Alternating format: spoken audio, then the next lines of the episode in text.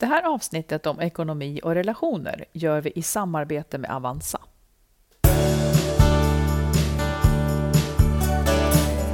Ja, men nu Magnus, nu ska vi äntligen få göra vårt specialavsnitt om pengar och ekonomi. Ja, Ja, trevligt. eh, och vitsen med det här, det är ju egentligen då att i en relation så, så bör, bör liksom ekonomi aldrig bli ett hinder. Det, det är många som har problem kring ekonomin. Inte minst just nu när världen är som den är. Och det är också många som, som därför kanske måste stanna i en relation som inte är så bra. Eller som ja, kanske inte ens vågar gå in igen för man har inte ekonomi och så vidare.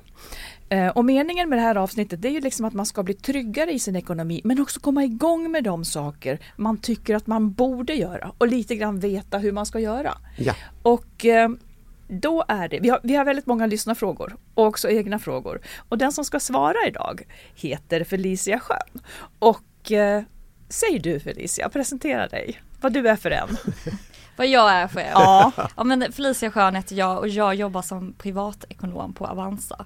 Och det innebär egentligen att mitt jobb är att ja, men utbilda och engagera och egentligen inspirera alla där ute men kanske framförallt då våra kunder just det. eh, till att göra lite bättre ekonomiska beslut på Ja, olika sätt. men vi kör, vi kör nu helt enkelt Mm. med våra Ja. frågor. så här, det är många som, som man är i ett förhållande och så känner man att man vill lämna det men man har inte råd.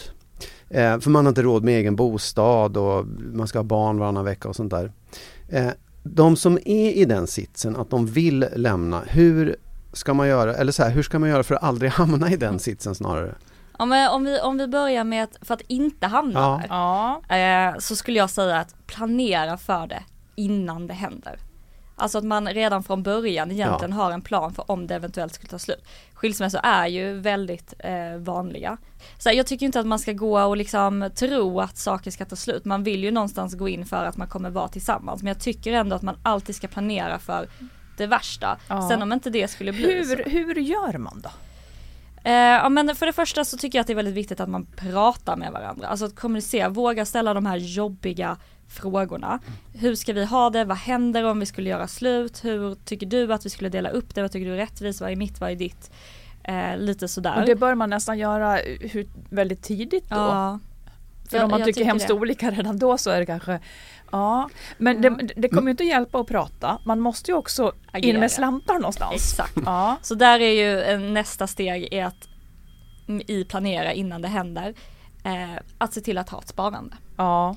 Var och en för sig helt Var och enkelt. en för sig. Mm. Man ska alltid, alltid ha ett eget sparande. Mm. Bra. Mm. Eh, sen kan man ha ett gemensamt sparande också. Ja, Men om man har ett eget sparande så är det mycket lättare att någonstans vara självständig och ha den där ekonomiska tryggheten. Att ja, men skulle det vara så att jag känner att jag vill lämna så måste inte jag rådfråga min partner Just det. Nej, i, i vad jag precis. ska göra. Utan är så här, jag Precis. har mitt och sen har vi vårt. Mm. Men för jag fråga, om, om man nu hamnar i det här, nu har vi gjort en dålig planering säger vi, vi har inte gjort alla de här sakerna, så står man där en dag och är så här, nu vill jag lämna det här förhållandet men jag har inte råd. Nej, alltså det är, det är ju absolut en tuff sits. mm. Men jag, och det är ju inte heller alltid så himla enkelt kanske. Men jag skulle ändå råda att man då försöker ha lite is i magen och kanske sparar upp. Så här, okej men nu börjar jag få den här tanken, då kanske det är dags att börja spara undan. Ehm, och sen kanske också så försöka skaffa sig en överblick. Vad behöver jag för att kunna lämna? ja. Var skulle jag kunna bo någonstans? Kan jag bo någonstans tillfälligt? Kan jag kanske bo hos någon så länge?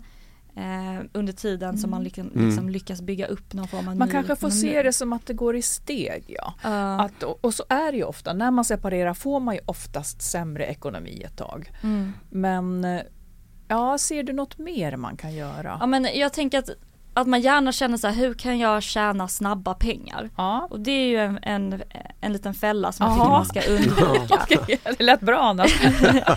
Nej, ehm, alltså det är klart det går att tjäna snabba pengar på att till exempel sälja saker Ja. och så, men det går ju bara så långt. Men försök då istället tänka trygghet, att ett sparkonto med ränta snarare än att ge sig in på börsen Mm. på Ja, den där fattar. korta sikten. Mm. Ehm, gå inte på om det är någon som har ett jättebra, du får dubbla avkastningen. Nej, på, på en dag eller en månad Mm. så. Det kommer inte att hända Eh, nej. Utan nej. försök istället snarare så här, men finns det någonting jag kan göra för att få in pengar med de tillgångarna som jag redan har? Mm. Eh, till exempel sälja saker. Mm. Har jag någon talang eller någon tjänst som jag skulle kunna sälja eller erbjuda till min omgivning för att få Mm. in pengar. Så det handlar hela tiden om att liksom bilda sig en uppfattning om vad behöver jag, eh, ja, men hur mycket pengar behöver Ja. jag och hur ska jag få in det. Det. Mm.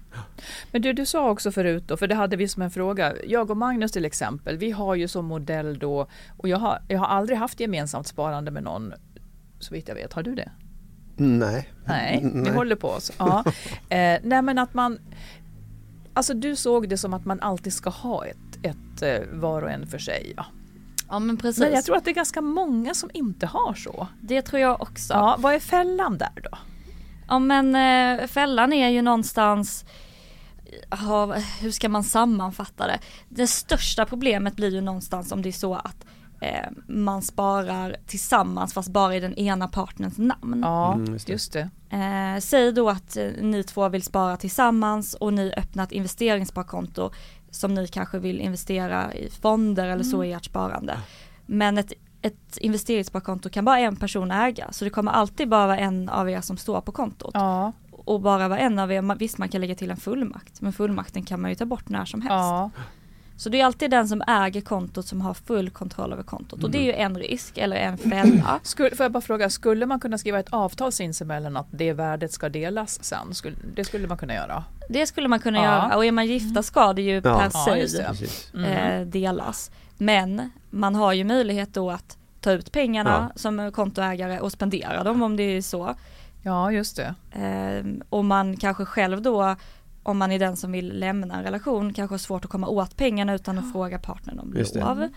Eh, och det går ju liksom åt båda hållen även om vi kanske har sett att kvinnor är de som har liksom missgynnats mest Ja. av det. Mm. Eh, sen är det ju också risken om, om man säger att eh, man har eh, en partner som sköter sparandet så att den sparar till en själv i sitt eget namn också. Ja, Så att det finns två sparanden. Ja, just det. Men risken då är ju någonstans att man själv aldrig lär sig hur man Nej, sparar eller hanterar precis. Det ekonomi. är upp till dens syn på hur, hur det ska förvaltas. Ja, men liksom. exakt. Ja. Eh, Så att då är ju den största risken egentligen att man går miste om liksom kunskap och erfarenhet kring att ansvara för en ekonomi. Mm. Men den största risken är såklart om det görs bara i det ena namnet. Ja. Eh, Så jag tycker som sagt att man som ett par eh, alltid ska ha det egna sparandet. Ja. Du, vi, har, en- vi har en lyssnarfråga här. Mm. Lä- Läs du Magnus. Ja, men det är en, en lyssnare som vill komma igång med sparande till barnen. Mm. Men den här personen kan inte avvara mer än 200 kronor i månaden. Hur, och så frågar de så här, hur kommer jag enklast igång utan att behöva lägga så mycket tid på insättningar och vilken typ av sparande är bäst? Barnen är tre och fem år och jag vill att pengarna ska användas till något större som en bostad när de är vuxna. Vilken typ av sparande ska jag välja? Alltså jättebra fråga, jag vill också börja med att säga att 200 kronor i månaden är inte liksom ett dåligt sparande, särskilt inte när det är till barn eller det ska vara under Ja. lång- tid. Jag kan tycka att eh, ett barnsparande är jättebra men man ska inte känna att man behöver spara tusenlappar varje månad. Nej, just det. Ehm, Men, men för att svara på frågan, vilken typ av sparande är bäst? När det är så lång tid som det är när man sparar till barn och här verkar det ju som att det ändå är 20 år fram så är börsen det bästa stället för att få sina pengar att växa så att man får liksom en avkastning på Mm. pengarna. Och då brukar man ju prata om att fonder är det absolut enklaste alternativet och det är Mm. fullt tillräckligt alternativ också. Man behöver inte göra det mer komplicerat än så. Ja, Så jag skulle säga att månadssparande sätter på autogiro de här 200 kronorna. Mm. Sätt in dem i en som vi brukar kalla bred och billig indexfond. Ja, ja. En Det får du nästan förklara. indexfond. Ja, jag ska försöka förklara det. Det är en, en bred indexfond är egentligen en fond som investerar i eh, alla möjliga olika världsdelar Mm. och alla möjliga olika branscher så att man får en riskspridning. Ja, då blir det inte så känsligt Det blir ifall så känsligt. byggbranschen går dåligt eller ifall Exakt. Kina Ja. spårar ur och Ja. så vidare. Mm. Eh, exakt så. Och när vi pratar billigt så pratar vi om avgifter. Ja. Och det finns eh, vissa fonder som har eh, ganska dyr avgift och då brukar man prata liksom mer än 2% och en billig fondavgift är mindre än 0,3%. Mm.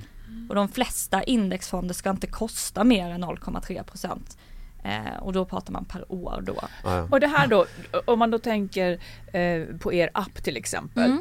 Mm. Eh, då är det bara att gå in där och titta och så hittar man sådana här breda. Ja.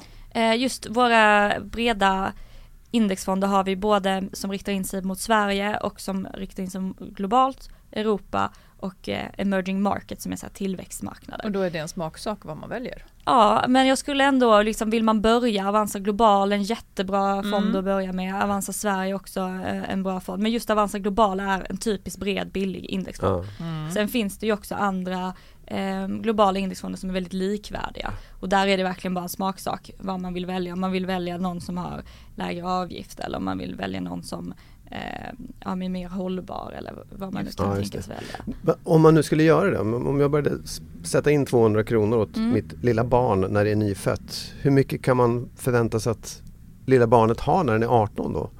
Eh? Ja, men, som vår lyssnare här. Som En, har, Ja. en hel del ändå.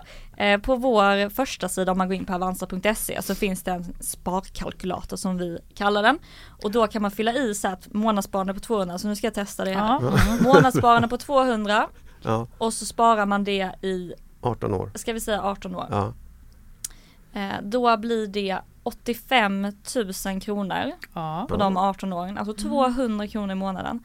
Varav 41 000, alltså nästan hälften, är bara ren avkastning. Alltså Ja. pengar som du har fått gratis. ja, just det. Just det. Hade du inte satt in pengarna så hade du Mm. då bara haft eh, ja, 85 minus 40. Ja, just det. Ja, eller och så lite ränta på det i bästa fall. Då, men, Ja, Mm. eh, exakt. Eh, men, Men- det här är ju då givet att, eh, ja, men att börsen ja. har gått Ja, så som den har gått historiskt. För det här är ju Mm. då beräknat på, historiskt, hela vägen bakåt liksom. ja men exakt, historiskt brukar man säga att börsen Ja. har stigit i snitt 7% per år. Ja, okej.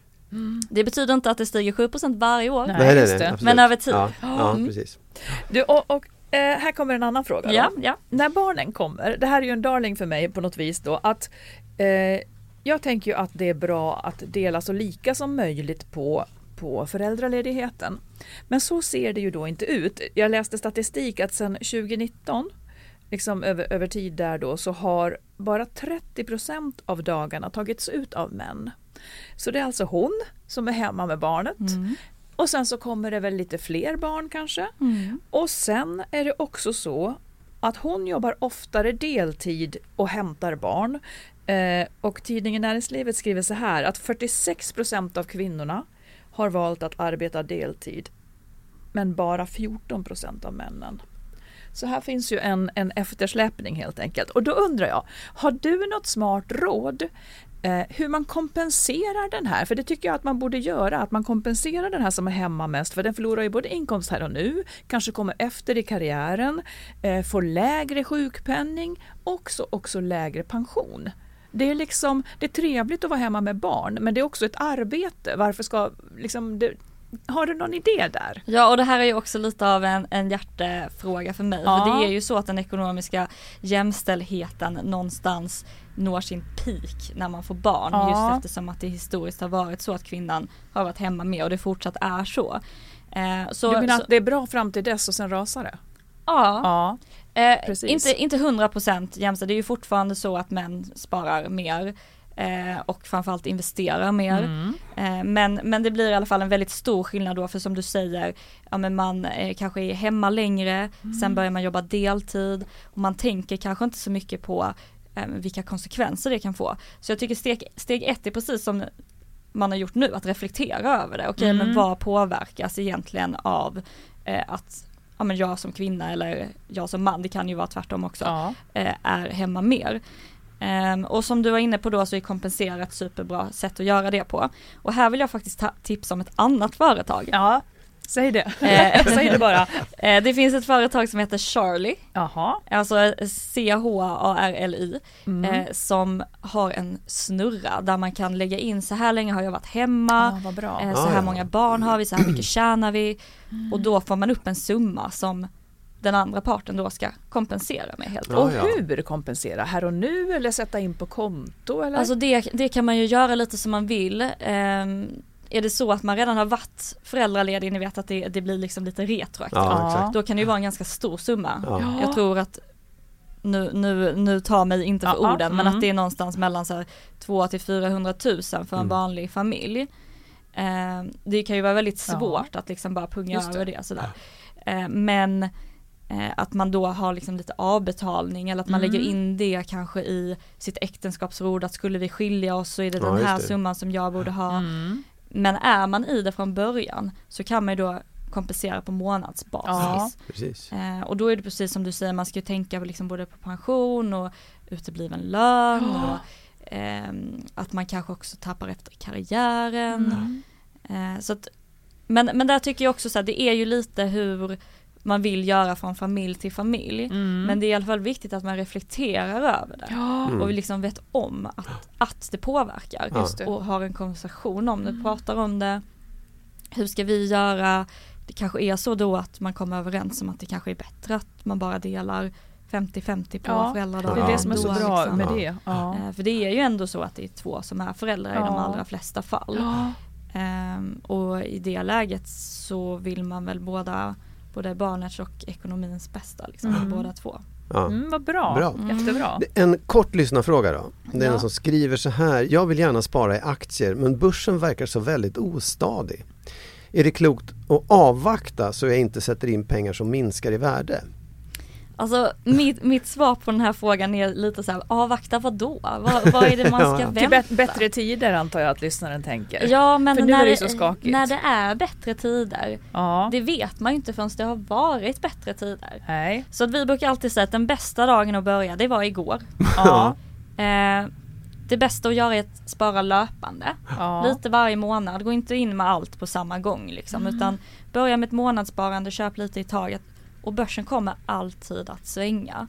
Ja. Eh, mer eller mindre då beroende på mm, liksom, vilken dag och vilken månad. Mm. Och, men det är ju ingen som vet det i Nej. förväg. Nej. Och det är helt värdelöst att försöka tajma marknaden. Ja. Ja. men det vi har sett är att de som sparar regelbundet, långsiktigt och har en, en god riskspridning. Och den här riskspridningen får man ju bara genom att ha en vanlig fond. En fond Ja. ja. Ja. Mm. Och långsiktigheten handlar ju då om att bara spara i fonder det som man kan avvara under en längre tid. Ja. Och sen då regelbundenheten är att man försöker hålla sig till ett månadssparande.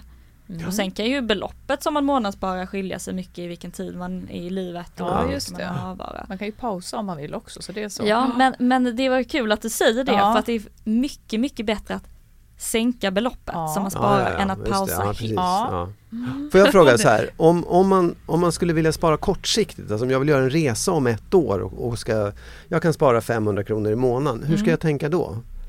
Sparkonto med schysst ränta. Ja. Bara ett Eh. vanligt konto, alltså inte in på några... Eh, nej men jag skulle ändå säga att det här, jag vill verkligen poängtera det här med schysst ränta för att när ränteläget är som det är just nu, ni vet det är dyra bolåneräntor och Ja. sånt, då ska man också förvänta sig att få en bra ränta på sitt sparkonto. Mm. Och om man pratar bra räntor just nu, alltså i pratande stund, så brukar jag säga att man ska förvänta sig minst 3% på sitt sparkonto. Mm. Får man inte det så tycker jag att man ska se sig lite omkring, var Ja. kan jag få det? För det finns väldigt många aktörer som faktiskt ger den typen av ränta just nu och till och med ännu högre. Ja. Ehm, så det skulle jag säga att sparkonto med ränta, ska du använda pengarna inom tre år, aldrig börsen. Nej. Okej. Jätteintressant. Bra. Ja. Mm. Mm. Inom tre år då är det, då är det spar. Skriver säger upp du. det nu Marit. Ja, Ja. jag skriver upp alltihopa. Jag kommer göra på ett Ni annat kanske sätt. lär er någonting. Ja, ja, ja, vi oh, ska, ska aldrig dela ekonomi med honom. Nej. Okej, här har vi en eh, lyssnarfråga. Jag har skilt mig nyligen och har nu efter försäljningen av vår gemensamma vilja, villa ungefär 130 000 kronor som jag skulle vilja placera på bra vis. Vad är bästa sättet om jag kanske kommer att behöva använda pengarna om 10 år när min dotter kanske behöver bostad? Och det här skulle jag säga är typexempel på när det är superbra med fonder och aktier igen. Vi Ja. har det långa tidsperspektivet, alltså mer än eh, tre år och nu är det ännu längre, ett, Mm. tio år. Ehm, vi eh, har en summa som det verkar som att hon kan avvara, Ja, eller han. mm, just det. Mm, det vet Hade- man inte. Var det lite fördom där nu? Ja, det hade nog jag också. Ja, Ehm, Jag tänkte att det var en han. Det tror jag Men inte vet på. ni vad, jag testade faktiskt sparkalkylatorn på det här beloppet Ah, också. okej. Ja, Eh, och om du sätter in pengarna nu Ja. och har dem i 10 år, så de här 130 000, så blir det 260 000 på 10 år. Wow. Det vill säga det dubblas Ja, ja. genom att investera på börsen, eller det har då gjort det historiskt. Ja, just det. Just det. Ehm, En, en mer, eh, du får svara utifrån ditt hjärta kanske här. om man, om, eh, det är inte rätt eller fel så här, men bara för att höra hur du tänker. Mm. Om två med väldigt olika lön går in i en relation, ska den som har högst lön betala mer då? Och i så fall varför? Alltså, min, min personliga åsikt är ju att jag tycker att man ska göra det som eh, båda två känner sig nöjda med, att de känner att de har liksom en ekonomisk frihet. För någonstans så får man ju säga antingen så får den som har högre lön betala mer eller så får ju den som har högre lön anpassa sig efter Ja. den med Ja. lägre lön. Mm. Så att man inte, den ena inte lever ett extravagant liv medan den andra går på knäna. Det Mm. känns ju inte som en så väldigt liksom rättvis relation. Vad tycker du då? Hur, Ja, men- hur skulle du ha tänkt? Jag tänker ju, nu, nu kan jag säga det att min kille, han är fortfarande student. Mm. Ja. Eh, snart klar lyckligtvis. eh, Tror, tror du ja. tror jag ja.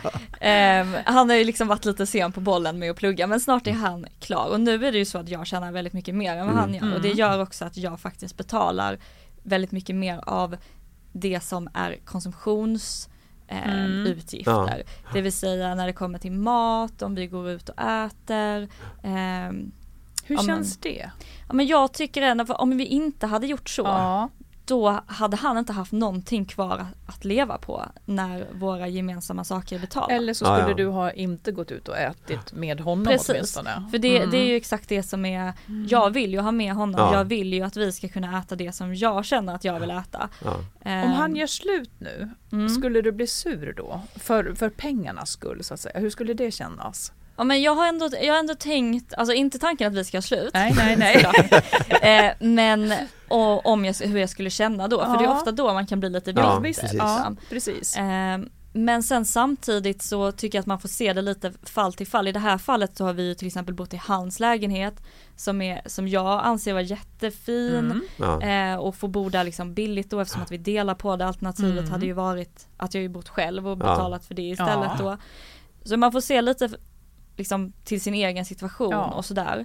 Eh, sen tycker inte jag att det finns något rätt eller fel. Nej, det gör ju inte det. Eh, utan- nej. Jag tycker bara att man ska känna att båda tycker att det känns liksom rättvist och fair eh, och att man liksom ser till varandra när man är i en relation men att man hela tiden försöker liksom också som du säger tänka hur skulle jag känna om vi inte Mm. var ett par. Ja. Jag- Jag tänker också när, när, när du säger som du säger att det finns också en del i det som är just att du kan inte göra det här med en förväntan att det ska betalas tillbaka Nej. utan det måste vara så att det finns ingen bitterhet i om det tar slut utan jag gör det här nu och det är Exakt. helt okej. liksom. För att just nu är vi ett Ja, team och ja. han behöver stöttningen just nu. ja. Eh, men, men sen kan jag också säga det att anledningen att jag ibland tycker, särskilt om det är så att båda jobbar, så att det är ett för alltid liksom. Det är Ja. inte så att det, man är student Ja, och det kommer det. gå över. Mm. Är ju för att, ja men lever man ett liv där säg att den ena tjänar 25 och den andra 55 Ja. och de gemensamma utgifterna är på 20 liksom. Ja, just det. Då har ju den ena mycket större möjlighet att spara medan Ja. den andra inte har det. Så att man då alltid kommer ha ett mindre sparande. Så då är ju alternativet att man lever liv, ett liv efter den, den, Den som lägg- tjänar mindre. Ja. Mm. Eh, för att det ska bli rättvist Ja. helt enkelt. Ja, nu tar vi fem snabba ja och nej frågor. Ja. Spännande. Får se hur snabba de blir då. Ja. Okej. Ehm, stämmer det att kvinnor lyckas bättre än män med sparande på börsen? ja. Ja. Jag ville bara att det skulle Ja, bli sagt. det, det, är faktiskt kul för Och varför är det så? det är för att kvinnor tar lite mindre risk Ja, än vad män gör. Ja. Eh, eller det, det, är den, den, det finns ju ma- massa parametrar. Men framförallt det att män gärna vill ge sig in på aktier. Ja. Och kvinnor tenderar att spara mer i fonder. Ja. Och fonder är det, det är ju en expert som sitter då och väljer ut Ja, vilka aktier som ska vara i den här Ja. fonden medan killar då gärna tror på sig själva. Mm. Så jag kan ju välja en aktie som är mycket bättre än den här. Testosteronet. Sen finns det ju såklart alltså de eh, männen som är jätteduktiga. Så Ja, jag vill verkligen inte ha så. Men generellt, Titta inte på mig men eh, generellt Ja. sett så, så ser vi det och sen då framför allt att kvinnor också tenderar att spendera rekommendera. Spara mer eh, regelbundet, Ja. det vill säga Mm. månadsspara i större utsträckning. Och det är ju också ett vinnande koncept. Jag tycker att det är bra att veta för där skulle man kunna tro tvärtom men så där är det helt Nej för enkelt. då är, det, då är det också många män som gärna försöker sitta och tajma marknaden. Ja, nu har det gått det. upp, Mm. Då ska jag det. sälja, nu har det gått ner, då ska jag köpa. Mm. Men det är svårt, alltså inte Ja. ens jag som sitter med det här varje dag, dag in dag ut, lyckas med det. Och ändå är du kvinna dessutom. ja, nästa fråga. Eh, det här läste jag, jag måste bara höra hur det, om det är sant. Stämmer det att de som lyckas bäst med sina investeringar hos er, Avanza då, äger fler än 12 fonder? Nej, Nej, för det är 12 värdepapper vi pratar om då. okej. Ja. Eh, och vad menar du med värdepapper? Det är ju då eh, aktier och fonder kombinerat. Ja. Så när man, om man äger aktier så är det de som har mer än 12 aktier, Ja. alltså Aktieslag. aktieslag eller vad man ska kalla Mm. 12 bolag i sin portfölj. Ja. Det är de som lyckas bäst. Okej, för att de sprider risken. Precis. Ja. exakt. Okej. Du har fattat nu. Ja, ja, ja, ja, det där kan jag Eh, säga. Medan när det kommer till fonder så Ja. ger ju det, alltså en fond har ju massa massa aktier i sig. Det, det skiljer sig lite grann liksom hur många det är. Eh, Men det gör ju att det räcker ju att ha en fond eller två Ja, fonder. just det. Jag brukar rekommendera mellan ett, en till tre fonder Mm. till att börja med och sen om man blir mer intresserad så kan man komplettera med fler fonder som då är Mm. lite mer branschinriktade. Eh, Men, men det räcker liksom. Det Ja. behöver inte Mm. vara mer komplicerat än så. Okej, Mm. jag tror att jag kan svaret på den här frågan redan innan. Om du skulle börja månadsspara på börsen, skulle du börja nu eller vänta på tryggare tider? Igår. Vänta på vad då? ja, just det. Nej, Bättre tider, de nu. kommer inte. Det är, bara, det är ver- verkligen bara att börja. ja. Får barn ha egna konton att investera i? De eh, får ha egna konton, Ja. men båda föräldrarna, båda vårdnadshavarna måste godkänna. Sista ja och nej frågan så här då. Finns det fonder som man från start vet har lägre risk? Att de har lägre risk att gå ner än andra? Mm. Alltså det är ju så att det är en investering så naturligtvis svänger de. Ja. Men de svänger då mer eller mindre beroende på som du säger vilken risk man tar. Och det man kan kolla på då är risknivån som också finns i de här filtrerna som Ja, vi har på vår fondlista. Eh, och det sträcker sig mellan ett år och minst sju år. Ehm, och ett år då är de här som har mer räntor i sig. De avkastar betydligt mycket lägre Mm. i regel. Eh, men de svänger inte lika mycket så det är inte Just så det. att du på en dag till en annan har förlorat lika mycket värde. Vissa högriskfonder kan ju svänga en del på kort sikt även om de över tid då Just det. går Mm. upp. Mm. Ja, Så det det man ska kolla på är risknivån. Ja, just det. Ja, säg du Magnus, du vill säga Ja, något. nej men det var en lyssnarfråga som är här. Mm. Eh, om det är oklokt av något skäl, till exempel höga avgifter eller så. Om man sparar i fonder men säljer av några gånger om året om man ska köpa något. Ja, ehm, det är oklokt, inte på grund av höga avgifter, utan det är oklokt på grund av att ett fondsparande ska alltid vara långsiktigt. Ja. Så det är inte, Men om man har haft det inne länge då? Ja, ja. Kan man då börja shoppa lite utan att det finns någon nackdel där? Ja, Ja, förutom att det kommer minska, alltså minska i värde. ja men skulle det göra på ett sparkonto ja, också? ja, ja, nej men absolut. Mm. Eh, sett till avgifter, nej. Nej? Eh, det man ska tänka på dock är att om man sparar på ett investeringssparkonto Ja. eh, så är det ju så här insättningar och uttag är ju det, och värdet är Mm. ju det som, som bestämmer beskattningen liksom. ja. Eh, men jag tycker inte att man ska tänka för Nej. mycket på det så Mm. att man gör det onödigt komplicerat. Men, men sett till avgifter så nej. Men sett till att man gärna ska vara långsiktig. Det är mycket bättre att man till exempel har en buffert. Ja. Eller kortsiktigt Mm. sparande på ett sparkonto som man tar ifrån när man eh, vill köpa någonting. Mm. Just det. Jag har ett så kallat kulkonto.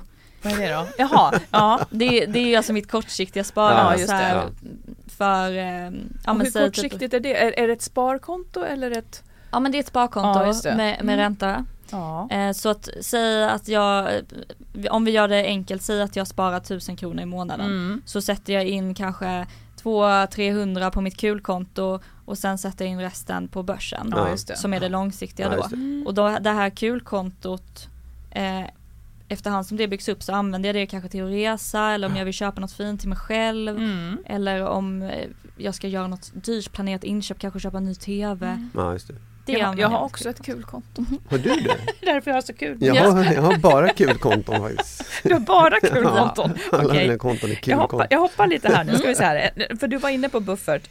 Ehm, Ja men då kan jag fråga. ja, Ja, ja. ja därför att det, det är också en som har, en av våra lyssnare som har frågat Hur stor buffert bör man ha om man är två vuxna med bostadsrätt, landställe och två bilar och har ett, eh, ett vuxet barn som betalar för sig hemma?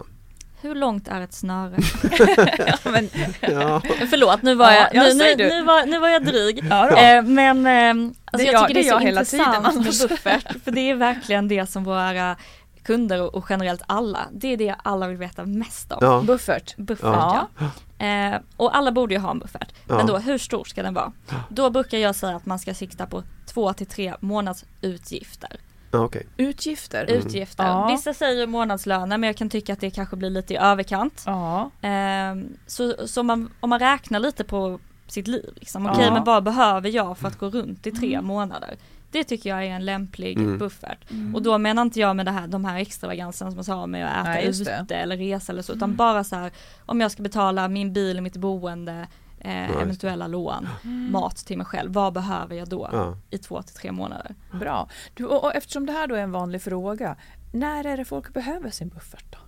För oförutsedda händelser. Ja.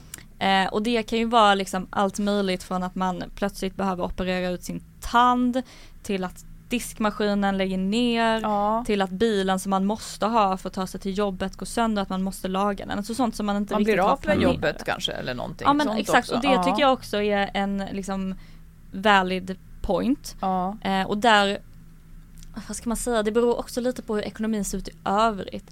Har man ett stort sparande, säg att du har ett jättestort fondsparande och du Mm. skulle bli arbetslös. Kan du ju ta av den. Ja. Men bufferten är bra om den kan täcka tills till exempel du får in din sjukpenning Mm. eller liksom tills man kanske har sålt av om det är så att Ja, det tar, sant. ja, alltså sådana saker. ja.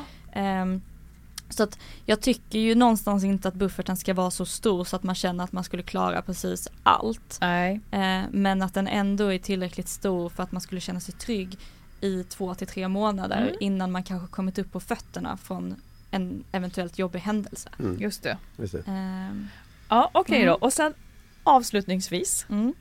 kan du ge fem snabba råd till den som vill börja månadsspara i fonder? Fem stycken.